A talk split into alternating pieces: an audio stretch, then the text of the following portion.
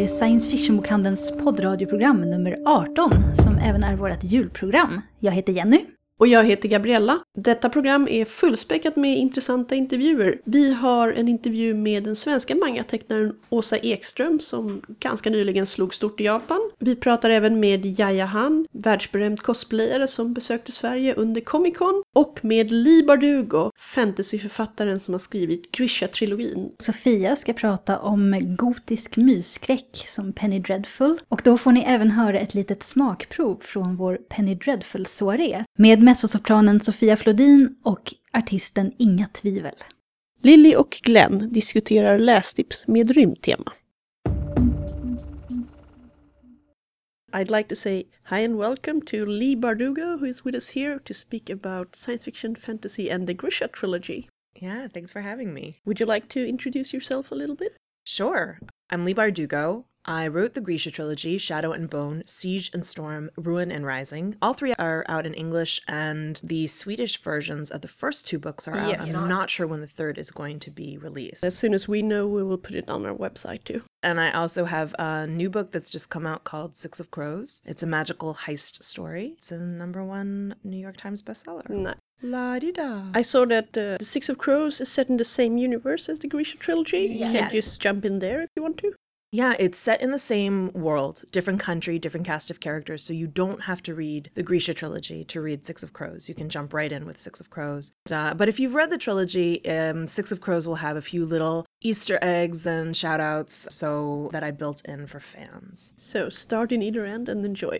That's right. One of the things that I felt was uh, most unique about your Grisha books, which I, I read the first one so far, so no spoilers, please, was that it was Russian inspired fantasy. yes. How did you come up with this? Well, you know, I've I've been reading fantasy my whole life, and some of my favorite fantasies are really use medieval Europe and particularly medieval England as a touchstone. And I love all that. I love broadswords and tunics and mead, but I wanted to take readers someplace a little bit different. You know, I'm Jewish, and growing up, Russia really occupied the role of the glamorous oppressor. It was a place where terrible things happened and beautiful things happened. It had this magical quality to it already. So for me, it was sort of a short hop to creating a fantasy world. And I also thought it worked with some of the power dynamics that already existed in the story. You know, Ravka, the country where most of the action takes place, it's really it's a country that has literally been isolated from the world by this swath of darkness called the Shadowfold that has cut it off from its ports and harbors. And it has um, a huge division in wealth between rich and poor. It has a kind of failing monarchy, and the country has failed to industrialize. And has this sort of uh, is dependent on an army of conscripted serfs. So it, it felt like a very natural fit for uh, Russian inspiration. Did you draw anything from childhood stories, uh, personal family memories? I mean, on one side, I'm Spanish. You know, we got thrown out in the Inquisition, and the other side, I'm Russian and Lithuanian. So we kind of ran away from the pogroms and, you know, having our villages destroyed. So I like to say we've been kicked out of everywhere. It was really more because I was a couple of generations removed, it was more this was a place that you didn't go back to. And in fact, the Grisha, who are the magic wielders in my world, were partially inspired by the World War II brain trust that was created when so many Jews fled the Holocaust, who ended up being a resource for the United States. And in Ravka, the Grisha are they're called the Second Army, and they're viewed as both a kind of privileged elite, you know, they're kind of a special ops force that the country relies on a great deal, but they're also the victims of quite a bit of prejudice as well. Very interesting.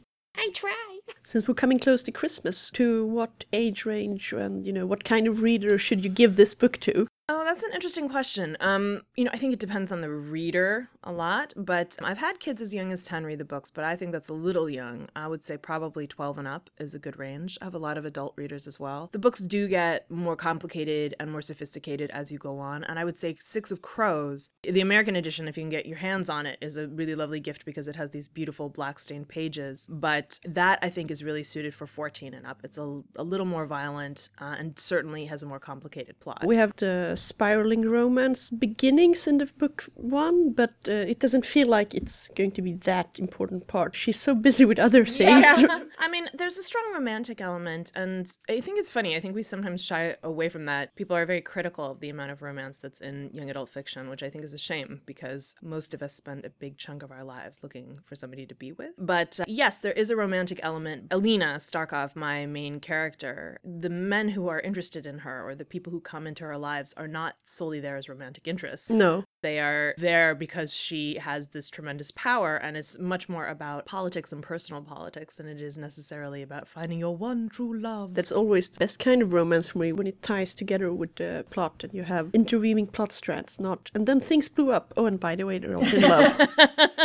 well, also in book two, I hope you'll continue with the series because I do introduce one of my favorite characters who is kind of my Han Solo. I like that kind of character. Yeah, so he throws a new wrench into some of the uh, romantic implications of the world. Six of Crows is your most recent book. Do you have any upcoming projects? Yeah, well, I'm working on the sequel to Six of Crows. That's Yeah. going to be a duet or a duology, or what I really hate the word duology for some reason. I don't know why, but it's going to be two books, and then I have a few other things brewing that I can't talk about just yet. But my focus right now is in making that sequel as good as it can be, and hopefully we're going to get to announce the title soon. I also have a short story coming out in Stephanie Perkins' new anthology, Summer Days and Summer Nights, which comes out next year. She released one called My True Love Gave to Me, a bunch of Christmas stories. I don't have one in there, but that's a great Christmas gift if you have a young reader. And I also have a horror story in anthology called Slasher Girls and Monster Boys. Are any of these tied to the Grisha world or are they standalone? They're all standalone. If you want more Grisha World, even if you are not ready to jump in with the characters from the novels, I have three folk tales that are the stories that these characters would have heard when they were kids. They skew a little more adult, dark and adult. They're kind of my Rav conversions of a few Western fairy tales. And you can read them for free online at tor.com, um, or you can download them for 99 cents or something like that. They can be a fun introduction to the world or just a way to waste an hour. The Summer Days and Summer Nights anthology, is it a themed anthology or? Yeah, it's all love stories that are oh. set in summer. And the other one was love stories that were based around the holidays in the winter. Wonderful. It's got a lot of great stories and a number of fantasy authors in this new anthology. And my story definitely has a fantasy element, but it was weird to write a love story, which I had never done before. I was like, wait, I don't get to kill them all off. Nobody's horribly maimed. So Well, we do have some zombie romance too. So, you you know, go. there's always an option.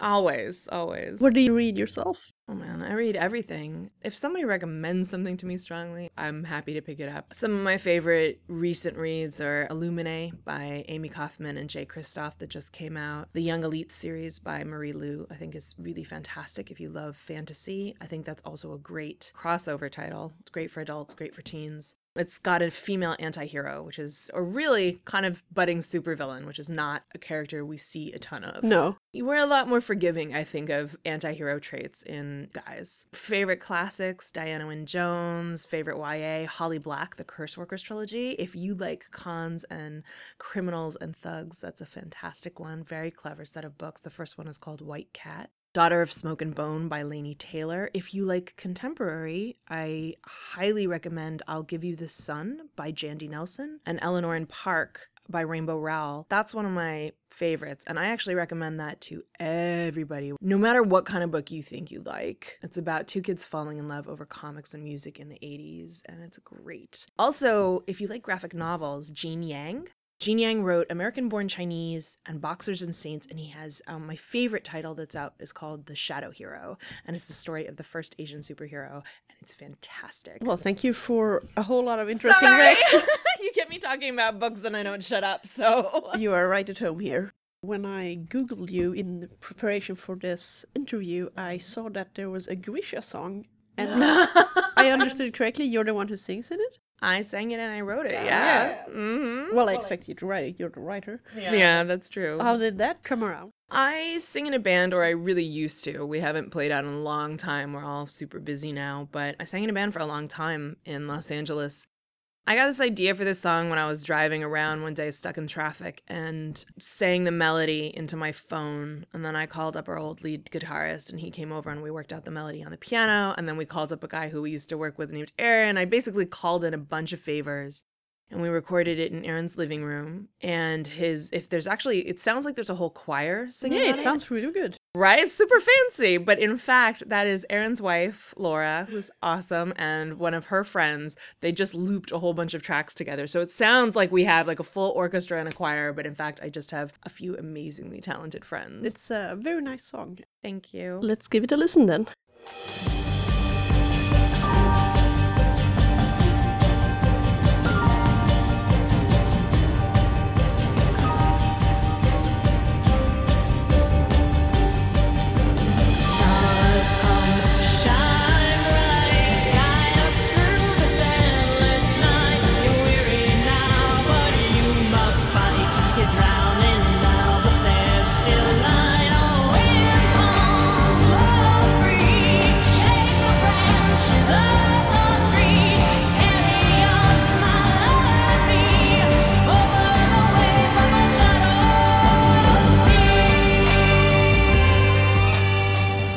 Possibly hear it as the title song for the upcoming movie? I have this fantasy where like Florence Welch decides to record it, but I don't honestly know. I am very far removed from the movie. Until we are a green light and a go, I try to pretend I don't know anything about it.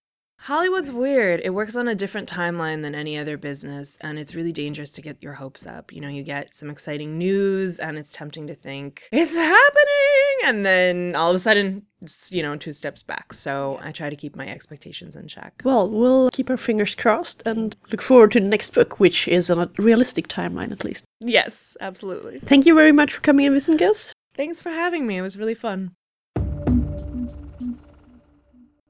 Under ett av sina besök här hemma i Sverige så tog sig manga-artisten Åsa Ekström tid att ge oss en liten intervju. Vi pratar lite om manga, översättning och om hennes serier Sayonara September och Nordiska tjejen Åsas äventyr i Japan.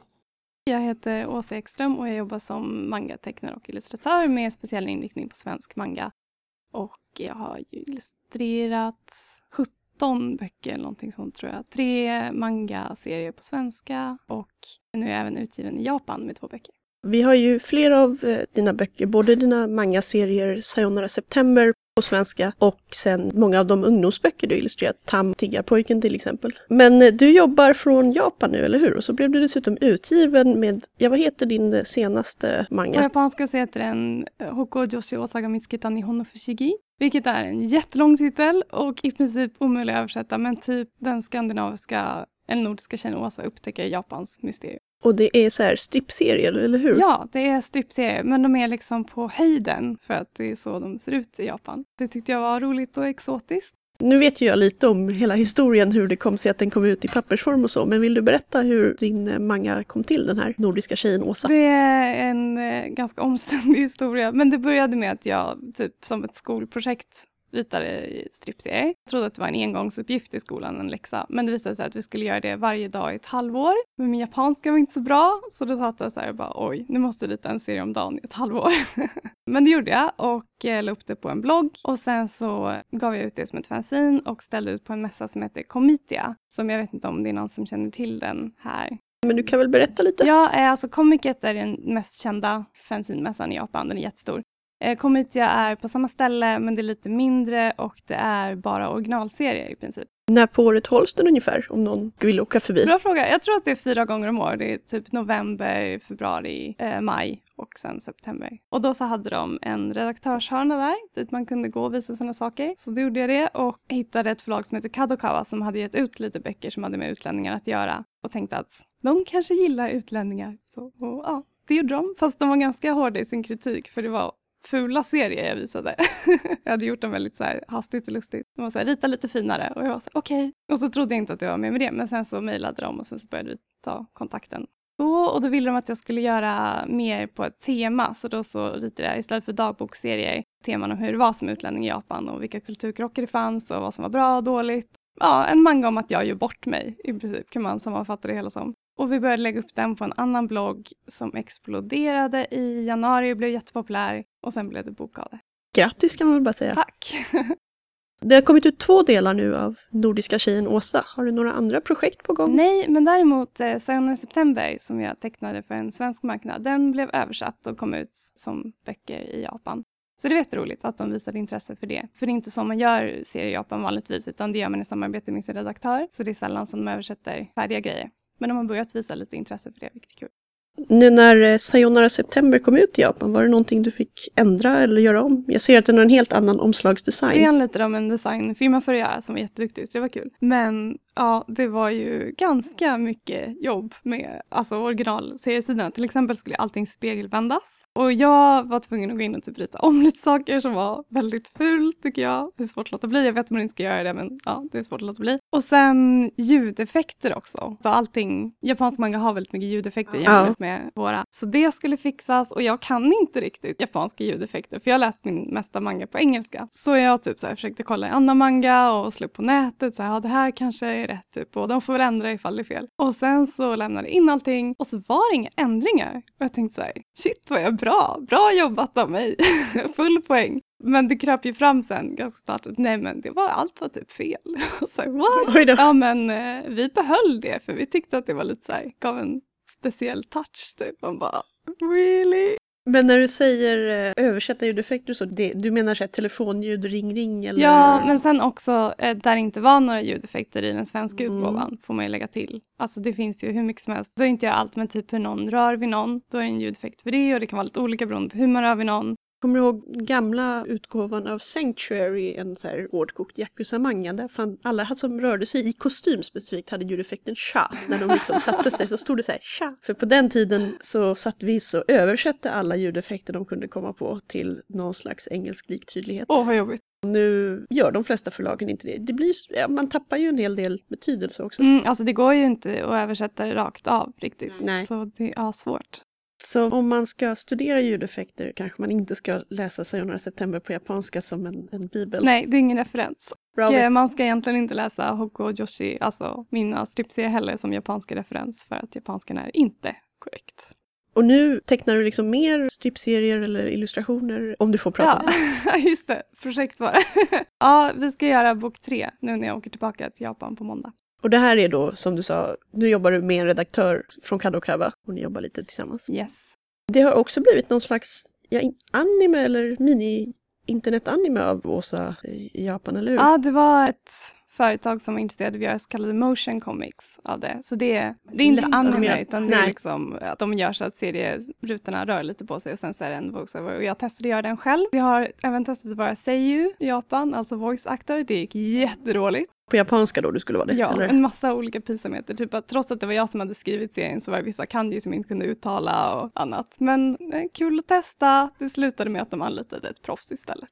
Kanske kan göra en svensk dubbing gång. Ja, vi får se. Jag kan börja med en svensk version, vore kul. Ja, det Någon ser vi gång. väldigt mycket fram emot. Hur är det annars? Jag vet att du har både studerat illustration och haft kontakt med mangavärlden i Japan och jag kan tänka mig det är många som är intresserade av att höra det. Är det lika stressigt och jobbigt som man ser i alla anime som manga som att teckna manga? Eller göra anime till exempel? Ja, det får man väl säga. Men jag har egentligen ganska enkelt för att jag gör dels strippserier och dels så går inte mina serier i någon tidning utan det är på bloggen då som de läses liksom. Men jag är inte så himla snabb på att teckna och jag tror att jag känner ett ganska stort behov av att bevisa mig själv eftersom jag är utländsk. Jag lägger ner ganska mycket jobb på bakgrund och sånt vilket gör att det tar tid. Hade du jobbat som assistent också eller blandar jag ihop det nu? Nej, det stämmer. Det var länge sedan och det var bara en praktikgrej. Men det testade jag också att göra. När, när var det? 2007. Tycker jag man både läser och ser i så här olika manga. Folk har jobbat åt assist- som assistent åt varandra innan de blir publicerade och sådär. Mm. Hur var det? Det var spännande, men då kunde jag inte japanska i princip, så det var också lite awkward. Hon, min sensei var väldigt snäll och sådär, så det, det var en fantastisk erfarenhet. Men sen blev det inte mer med det, för sen åkte jag hem till Sverige och tecknade Sören september istället. Så den här gången så tog jag en helt annan väg in, eller vad man ska säga. Vilka är dina liksom favoritstrippar så här, eh, hur ska säga, händelser som är kul i efterhand som du gjort i serier? Eh, alltså ja, Japan är ju väldigt bra på att leverera material kan man säga. Det är ingen brist på det. Så det är många sådär mysterier för svenskar. Men som till exempel att någon gång så syntes, jag hade på mig någon djup urringning och då var jag såhär, det där är väl lite för sexigt ändå. Man kanske såg något litet bh-band eller sådär. Men samtidigt om man var i skolan så var det folk som hade jättekorta kjolar och det var verkligen såhär panty shot liksom. som man ser i en del manga och anime. Och det, med sådana paradoxer, ja, varför är det okej men det är inte okej när man ser ett bh-band liksom. Eller typ när jag har gjort bort mig med ätpinnar ganska mycket. Det finns många regler kring ätpinnar. Sånt. Och sen typ så här att Japan är så säkert, alltså det är inte så mycket kriminalitet eller sådär. Men det gör att jag blir extra paranoid för att folk går ju och lämnar så här, de lämnar typ sina mobiltelefoner när de ska beställa mat och sånt på kaféer. Jag sitter och är så här, nej, gör inte det.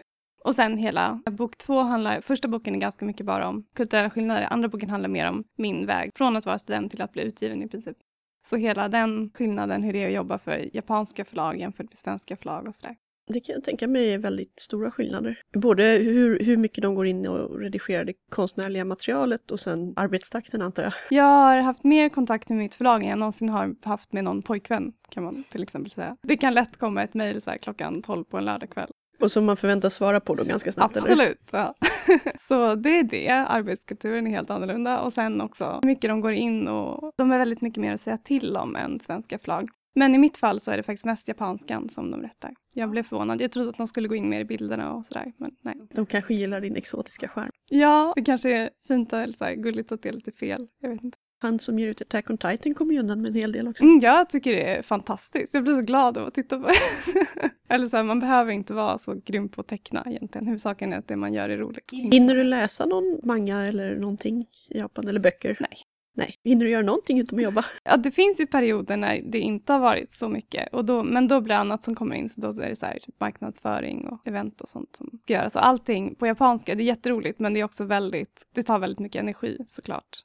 Tycker du det är värt det om det är någon som lyssnar här som drömmer hett om att bli tecknare i Japan? Ska man satsa? Ja, det är klart. Det är fantastiskt. Det här året har det har hänt så väldigt, väldigt mycket för mig och allting som jag drömde om som barn kan man säga gått i uppfyllelse med att jag blivit utgiven i Japan. Jag kan fortfarande inte tro det själv ibland. Det är väldigt surrealistiskt. Men jag tycker att det är fantastiskt att det går. Det är fantastiskt att i Japan faktiskt finns ett intresse för utländska mangatecknare och den typen av serier som vi gör.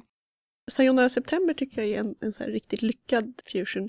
Om det är någon som inte vet vad det är så är det en semi-självbiografiskt inspirerad manga på tre delar om eh, att gå på en serieskola i Sverige. Och jag tycker den ändå har blandat den klassiska manga-stilen med den här väldigt svenska självbiografiska serietraditionen. Väldigt fint. Hur har reaktionerna varit på den? Har du fått någon i Japan då? Jag är jätte, jätteglad att den kom ut på japanska men rent tekniskt så är den inte på japansk nivå och det är inte så konstigt för att jag gjorde den för väldigt många år sedan. Eh, Men Det syns ju i den också, från del 1 till Ja, del 3 gud, blir ja. den Det är liksom. verkligen en tecknares utveckling, alltså också i bilden, inte bara i historien.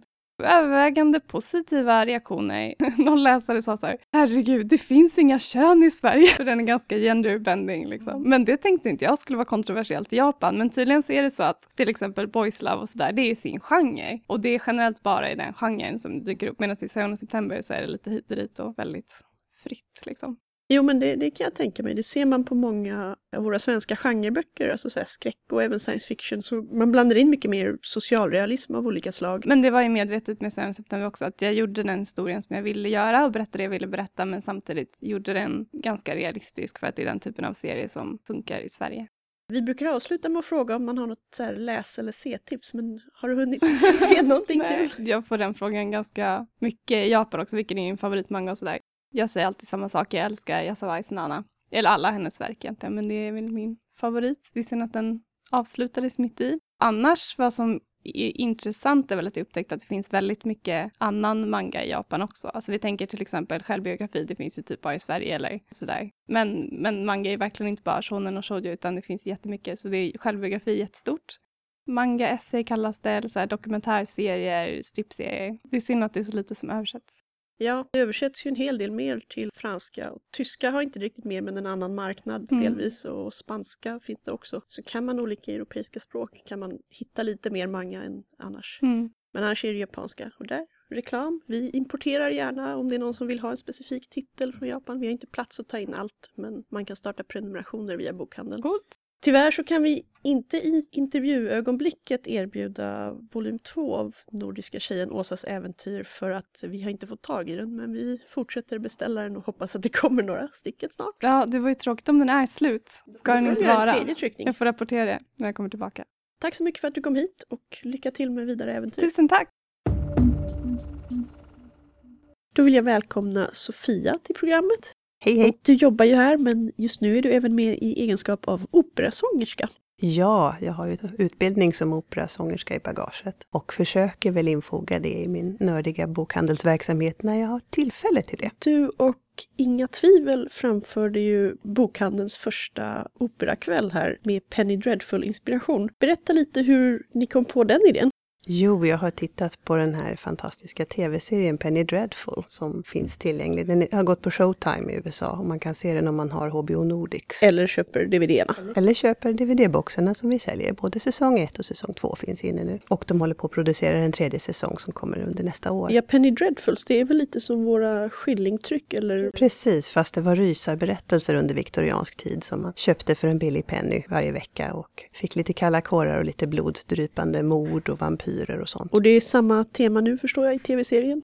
Ja, fast John Logan som skapade serien, en skicklig pjäsförfattare, han läste Wordsworth, Keats och Mary Shelley. Och så fick han idén att han skulle sammanfoga de här klassiska litterära skräckgestalterna. Så han har tagit Oscar Wildes Dorian Gray och Frankenstein, Dr. Frankenstein och hans monster, samt eh, pappa pappan till Mina Murray i Bram Stokers Dracula. Och Mina dyker upp också i en biroll. Och så har han sammanfogat de här gestalterna och låter dem mötas i 1890-talets London till ett ganska intressant och väl sammanfogat drama. På skräckfilms till ja, Adams Family-skalan, var ligger Penny Dreadful? Hur blodig och läskig är den? Det är ju ganska blodigt i HBO, så det är rätt explicit. Den, den är ganska gory, det är den, men inte, det är inte fokus på det, utan det fokuset är snarare på dramadelen, så att säga. Så jag är ganska så kräsmagad, men jag klarar av att se den. Den inspirerade då som sagt dig till att ha en skräckmusiksafton här hos oss. Hur eh, valde ni där? Vi tog inte musik som förekommer i serien, även om de har en hel del klassisk musik i den. Utan vi tog mer och fokuserade på vad var det för skräckgestalter som dök upp som återkommande teman i ja, de klassiska romantiska tonsättarnas verk. Vi tog mycket Schubert för att Schubert är väldigt bra. Han har skrivit många av de här fina Doppelgänger och Erlkönig och sådana figurer som många romantiska tonsättare tonsatte, men ingen så bra som Schubert. Och sen lite häxor, lite spöken, lite vampyrer där vi kunde hitta dem. Och lite spågummor. Jag hörde en ton av Carmen eller två där. Ja, just det. Hon lägger ju tarotkort, vilket vi också ser i Penny Dreadful-serien, och spår sin framtid. Och så hade vi en, en rysk spåscen också från Chavanchina, Marfas spåscen. Lyssnar du själv på just gotisk, viktoriansk inspirerad musik mycket eller är det mer i litteraturen? Jag har gjort en sån här konsert förut. När vi gjorde konsert, en konsertserie på Skansen kallade vi den Novilla Macabre för att det var i lo lokalen Novilla. Försökte göra någonting liknande men då var vi en hel grupp och kunde ta lite mer olika röstlägen och eh, tongångar. Och du gjorde den här konserten tillsammans med Inga Tvivel, eller hur? Ja, den fantastiska dragshowartisten Inga Tvivel, gammal god vän till mig vid namn Jan. Vi har spelat och sjungit tillsammans i många, många år, ända sedan vi läste teatervetenskap ihop i Fordom. Men vi har väldigt mycket kul ihop när vi träffas och nördar opera tillsammans. Och eh, det var ganska kul att ha just Inga. Väldigt tjusig i viktoriansk dress. Mycket. Begåvad ackompanjatris, väldigt skicklig vid pianot även om hon inte är utbildad pianist. Och samtidigt så fick vi in några lite lättare nummer eftersom Inga också framförde två stycken. Povel Ramel-stycke och en tango om spöket Andersson. De var väldigt uppskattade. Ja, i ett sånt där tungt och mörkt och dystert program så behövs det någonting som lättar upp stämningen. Och vi gjorde tillsammans på jubileumsbalen på Nordiska museet förra året så gjorde vi ett program med lite rymdopera med nördrelaterade sånger från Sagan om ringen och så vidare. Så att vi har jobbat tillsammans ett tag och eh, vi har pratat om att göra något event i bokhandeln. Och när jag blev inspirerad av Penny Dreadful tv-serien så yppade sig tillfället helt enkelt och vi träffades, valde stycken, hade väldigt kul när vi letade fram vampyrer och spöken och så vidare i den klassiska musiken. Ska vi ta och lyssna på några smakprov? Hela konserten ligger filmad uppe på vår Youtube-kanal, men nu kommer vi höra ett utdrag ur Schuberts Erlkönig till exempel. Den är lång så vi spelar inte hela sången. En eh, sång baserad på Goethes dikt om den farliga alvkungen, eller ja, Hasselkungen som stjäl ett barn från faderns famn.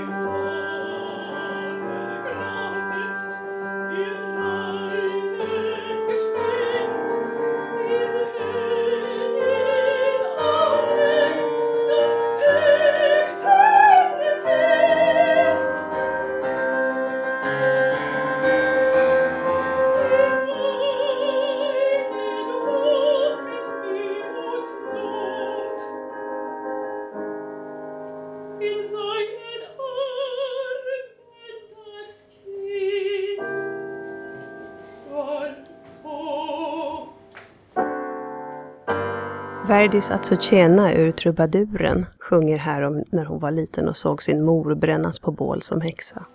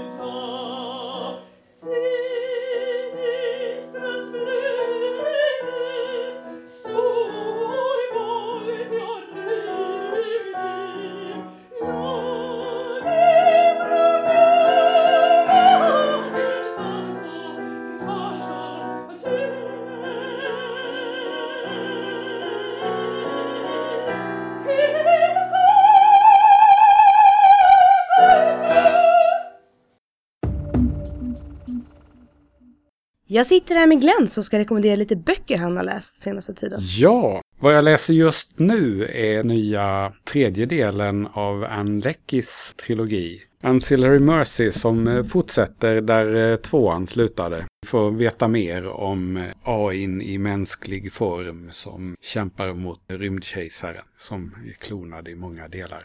Jag tyckte tvåan var väldigt fin, som där man liksom fick veta mer om planetsystemet där de var för tillfället och folken som levde där, hur de förhöll sig till imperiet och, och de lokala motsättningarna som fanns under ytan. Nu i del tre så plockar vi upp action lite mer och spänningen uppas. Väldigt spännande så här långt.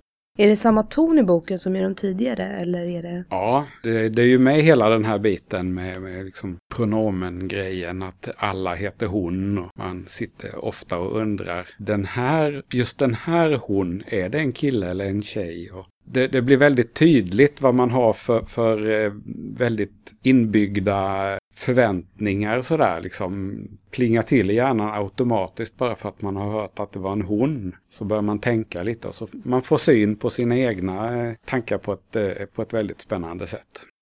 Och så har jag läst en långnovell som nu kommer som egen bok av den amerikansk-nigerianska författaren Nendima Nendili Okarafor, eller som hon själv säger, Nedi Okarafor. Hennes föräldrar immigrerade till USA när hon var liten. Så att hon är uppväxt i USA. Men skriver eh, väldigt mycket från en nigeriansk synvinkel när hon skriver sin SF som gör den väldigt spännande. Den här nya boken som heter Binti, den tar upp ett ganska välbekant tema i eh, SF-litteraturen. Mötet med en främmande ras hur enkla missförstånd kan, kan leda till att det blir krig och elände. Och hur överraskande saker kan eh, lösa upp knutarna. Som sagt, det är ett klassiskt eh, SF-tema men eh, gjort med en massa nya spännande vinklingar. Huvudpersonen är naturligtvis en afrikansk tjej som använder sina kulturella erfarenheter för att sätta ny spin på, på det här mötet. Rekommenderas varmt.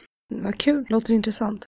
Har du läst någonting annat? Håller också på med, det, det är ju sådär liksom, det är så svårt att hålla sig till en bok när det kommer mycket skoj på en gång. Jag håller också på med en eh, spännande fantasyserie av Cameron Hurley. Det är del två i Mirror Empire. Där temat egentligen är ett ganska välbekant SF-tema. Det här med parallella världar och man förflyttar sig mellan dimensioner. Beskrivet ganska SF-mässigt men ändå på ett fantasyvis som gör det väldigt spännande. Det är inte liksom bara att eh, någon eh, vevar sin trollstav och så hoppar de över till en annan dimension utan det är, det är verkligen typ Brain Universes. Jämför till exempel med den serien som eh, Terry Pratchett Pratchett och Steven Baxter har skrivit tillsammans, The Long Earth och så vidare. Lite åt det hållet. Och här är det en invaderande styrka som eh, när de tar sig in i den nya världen så börjar de med att eh, ha ihjäl eh, kopiorna av sig själva som är i den världen alla kopiorna går ju inte riktigt med på det så att det blir lite stridigheter där. Plus då de normala interna stridigheterna med kungar och, och länder och ja, the usual när det har med människor att göra.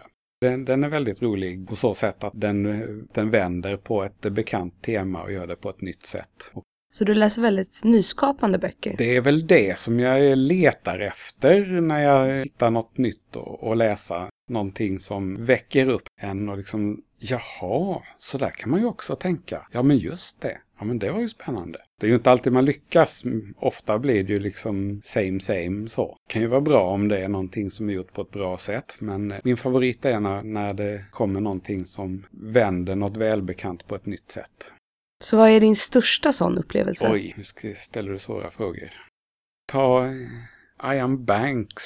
Han, han, var, han var en sån vändare. Liksom, man hade läst klassiska amerikanska space opera-berättelser och det var ju häftigt och jättestora rymdskepp och oändliga avstånd mellan galaxer och, och what have you. Men här kom han med, med någonting helt nytt och framförallt förde han in ett mer litterärt berättande och gjorde att alla som förekom hade liksom sin egen riktiga historia. Till och med rymdskeppen eh, var egna personligheter och eh, hade sina egenheter och sin historia som gjorde att de betedde sig på olika, inte helt rationella sätt alltid och sådär. Det var, det var mycket aha, så här kan Space Opera vara. Ja, så vill jag ha det. Det är någonting som jag fortfarande letar efter. Folk som kan berätta en cool rymdhistoria på ett väldigt bra sätt. Som gör den levande och trovärdig fastän det är sådana här konstiga saker det handlar om. Jaja Han är en av världens berömdaste cosplayare och hon besökte oss här i Sverige under Comic Con som ägde rum på Friends Arena. Jag fick en liten intervju med henne ute på arenan och den kommer här. Hi and welcome to our little podcast. Oh God, thank you so much for having me. It's lovely to have you here. What do you think of Comic Con Stockholm so far? I love the setting that is in an arena, and so you can kind of sit back and just watch the scenery going on, and it's neat. It's a different vibe. Let's go to start with some questions from our Facebook. Actually, we asked our customers what they want to know from you. And Sabina wonders if you have any good ideas and suggestions to aspiring cosplayers. Well, I think it's easier than ever to get into cosplay right now. There's a lot of resources out there. Just take advantage of them and obsessively Google and look on YouTube and, you know, really know that a lot of people have tried things out for you and have reported on their experiences. So it saves you a lot of time and effort. You just have to be willing to go and do research. And also know that social media is a double-edged sword.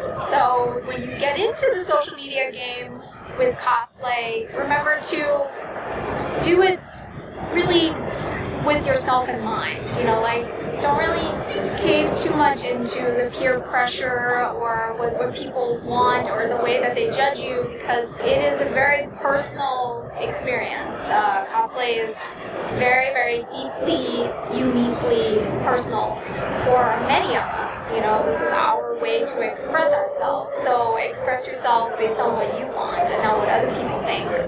And Lisa wonders how it was to go from a hobby to a, become a professional cosplayer. It was a very long road. I quit my day job in 2005, which means it's been it's been over 10 years, and it has been a very long struggle because you know I have it so hard or something. Like I'm very grateful for everything. And I feel very lucky that I've gotten to do things I got to do, but because cosplay 10 years ago was still virtually unknown in the mainstream, there was a lot of pushback and a lot of um, misunderstanding and a lot of criticism, even from my own family. And so to choose to do something so unique and different really makes you have to learn a lot of things that you never thought you have to learn. And now, even when you have stability, and you know, like I have a brand that is more established, a lot of work that comes with that. You know, keeping your business going, a lot of things that I would not have thought I had to do running a creative business. You know, like I'm like I thought I was just doing art and making stuff. Like no, I'm doing taxes and doing paperwork and dealing with you know all of these different bureaucratic things that things I never thought. But it's very very rewarding, and I think the most important thing for me is that turning cosplay into a profession has allowed me to continue cosplaying throughout all of these years. So that's what I'm the most grateful for. One of my coworkers wondered how many cosplay wardrobes do you own? And do you save all your costumes? I don't keep exact count, but I've made over 300 costumes, which means it is difficult to store them. You know, I have two workrooms that have costumes, you know, hung up everywhere inside the workrooms. I have a storage unit with more costumes and props, and wings, and various large, cumbersome things. And I have a basement. I live in a house with a fairly large basement, and that also has a lot of costumes stored away in garment bags and such. So I do archive them, I guess you could say. Not quite sure what I want to do with them in the future. I just know that I can't sell them because of the sentimental attachment. One day we will have YayaCon with ah! hundreds of clowns. Oh God. Matilda actually asks a question that relates to what you said. Her parents think cosplay is a very weird hobby, and she'd like you to describe the essence of cosplay to help them understand. That's wonderful. Well, Matilda, I would explain to your parents that there are a lot worse things that you could be doing. and um, I really encourage parents to support their kids with cosplaying because it has so many positive aspects to it. Your home, first of all, your parents know where you are. You're being creative, you're hands on crafting, which means you're learning hand eye coordination, you're learning to think outside the box, and it, it really develops so much in terms of creative aspect of a you know a teenager or a child really really opens up wonderful avenues for them. And also cosplay is a very social pastime. So it really gives your child the opportunity to interact with people and come out of their shell and learn social skills. So conventions are a very friendly safe environment and parents i really encourage them to come with their kids to conventions and see what it's like. And also to maybe make costumes with their kids. You know, like even if they may think that what they're watching is still juvenile or something, the act of making a costume is very therapeutic. So I think it's a very, very positive way for families to bond. That's a lovely answer, thank you. Have you seen any cool costumes here at Comic Con today? I have seen a few League of Legends cosplayers and a couple really awesome Naruto cosplayers and Korra. So yes, it's really neat to sort of come to Sweden and see the community here and just like the geek culture. And I know Friday at GameX is still a little quieter, and tomorrow supposedly is going to be nuts. Yes. So I'm really looking forward to seeing lots of costumes tomorrow. And of course, on Sunday is the uh, World Cosplay Summit, and that's when I think all the big stops will be pulled. Do you want to tell us a little about your cosplay for today? Wearing lovely Yeah, sure. I am dressed as Madame Hydra from the Marvel Universe. I thought I should bring one comic book costume to Comic Con Stockholm. And uh, the costume is uh, very comfortable and easy to travel with, which is why I chose it.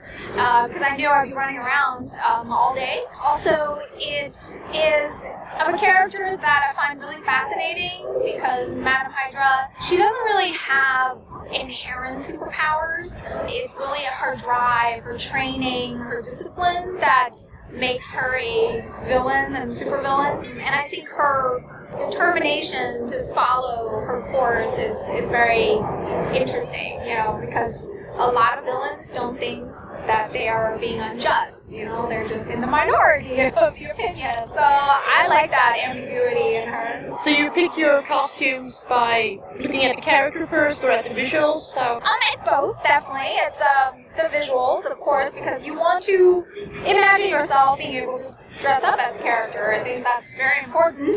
Uh, but then it definitely goes beyond that to do I feel a connection with them? Do I feel like I can obsess over this costume and spend a, quite a long time and lots of effort with this character. that is really what I'm looking for. How much time do you spend on an average costume or an average week on cosplay crafting? I do what's called binge crafting, which means I gather all of my materials, make sure that they're in the house, down to the thread and notions and needles, and then I start my project and I don't quit till it's done. And that's really the only way that I can do it based on my very hectic schedule.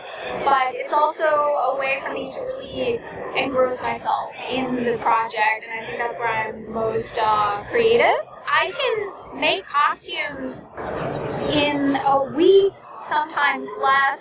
Sometimes it takes two weeks to five weeks.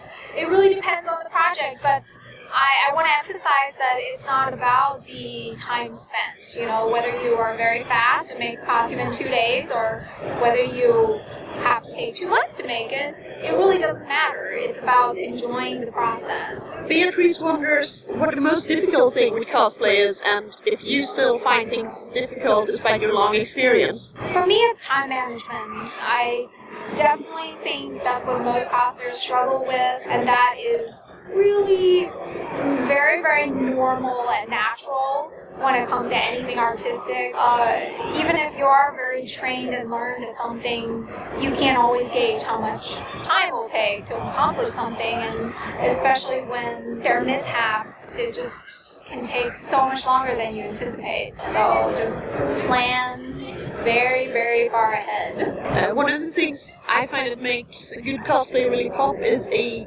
good photo. Do you have any, you know, secret suggestions for how to make them pop a bit extra? Um, I work with photographers that I feel rapport with. So it's not really too much about the equipment. I think you can get a really great photo from very affordable, middle of the road equipment. I think it's more important to work with someone who you can be comfortable around and natural around and emote. That's what really is the secret in a great cosplay photo is letting go of whatever feelings of uh, insecurities in yourself or awkwardness or thinking maybe I look stupid. Let that go and become the character. As someone in front of the camera, always find the light. Look at the light and turn your face to it. Do you have any ultimate cosplay dream you have yet to realize? Always. I certainly have lots of ultimate cosplay dreams, and over the years I realized some, and then the list just keeps growing. I think it's it's really about creating something that you feel furthers you at that moment. Sometimes I really want to learn something new about making armor, so I'll make an armor costume. But then I really want to make a cupcake dress, and so it's like dependent on mood, dependent on where you feel creatively charged, and then you sort of realize your cosplay dreams within those parameters. I have lots of ideas, and my next cosplay dream that I am actually working on realizing is uh, another original design. Is there anything you think people often forget when they plan a cosplay? Uh, I think people, and I am definitely at fault.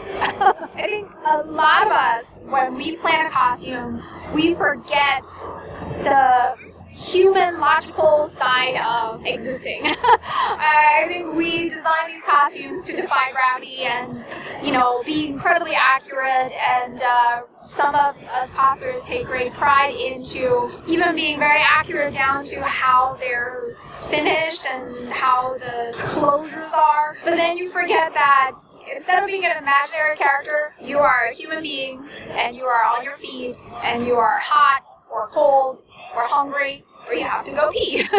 so I really, really think that it's okay for cosplayers to tweak the designs a little bit to make sure that they can do all of these human functions that we need in order to make our experience more fun. It's not fun to be in pain the entire day.